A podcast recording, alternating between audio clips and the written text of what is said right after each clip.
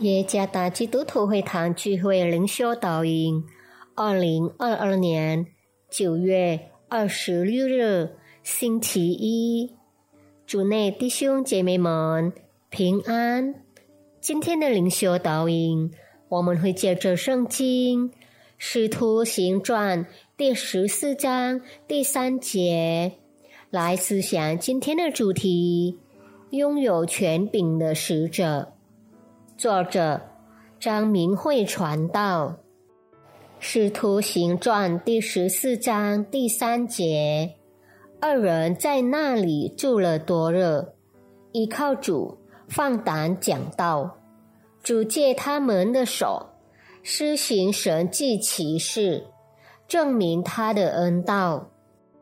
根据印尼大词典，嘎贝贝伊，权柄意味着。权势、权威、采取行动的权利，例如，一名警察有权管理交通，消防员有权灭火，教师有权教书和其他工作的权威。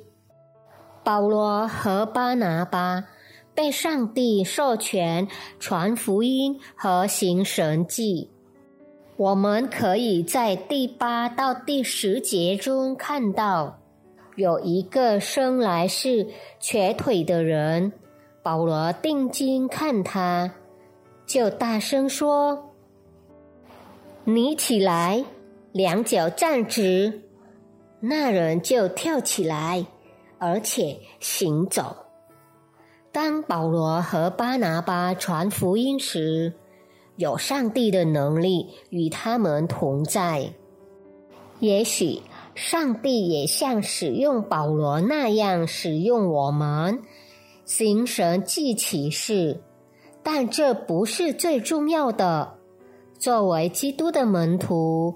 我们是被授权将拯救释放的信息带给那些因罪而被俘虏和束缚之人的使者，就是耶稣在十字架上所做的拯救释放信息。请记住，我们是上帝赋予权柄的使者，故此。要宣讲、传开、传扬他救恩的福音。神赐给我权柄，愿上帝赐福大家。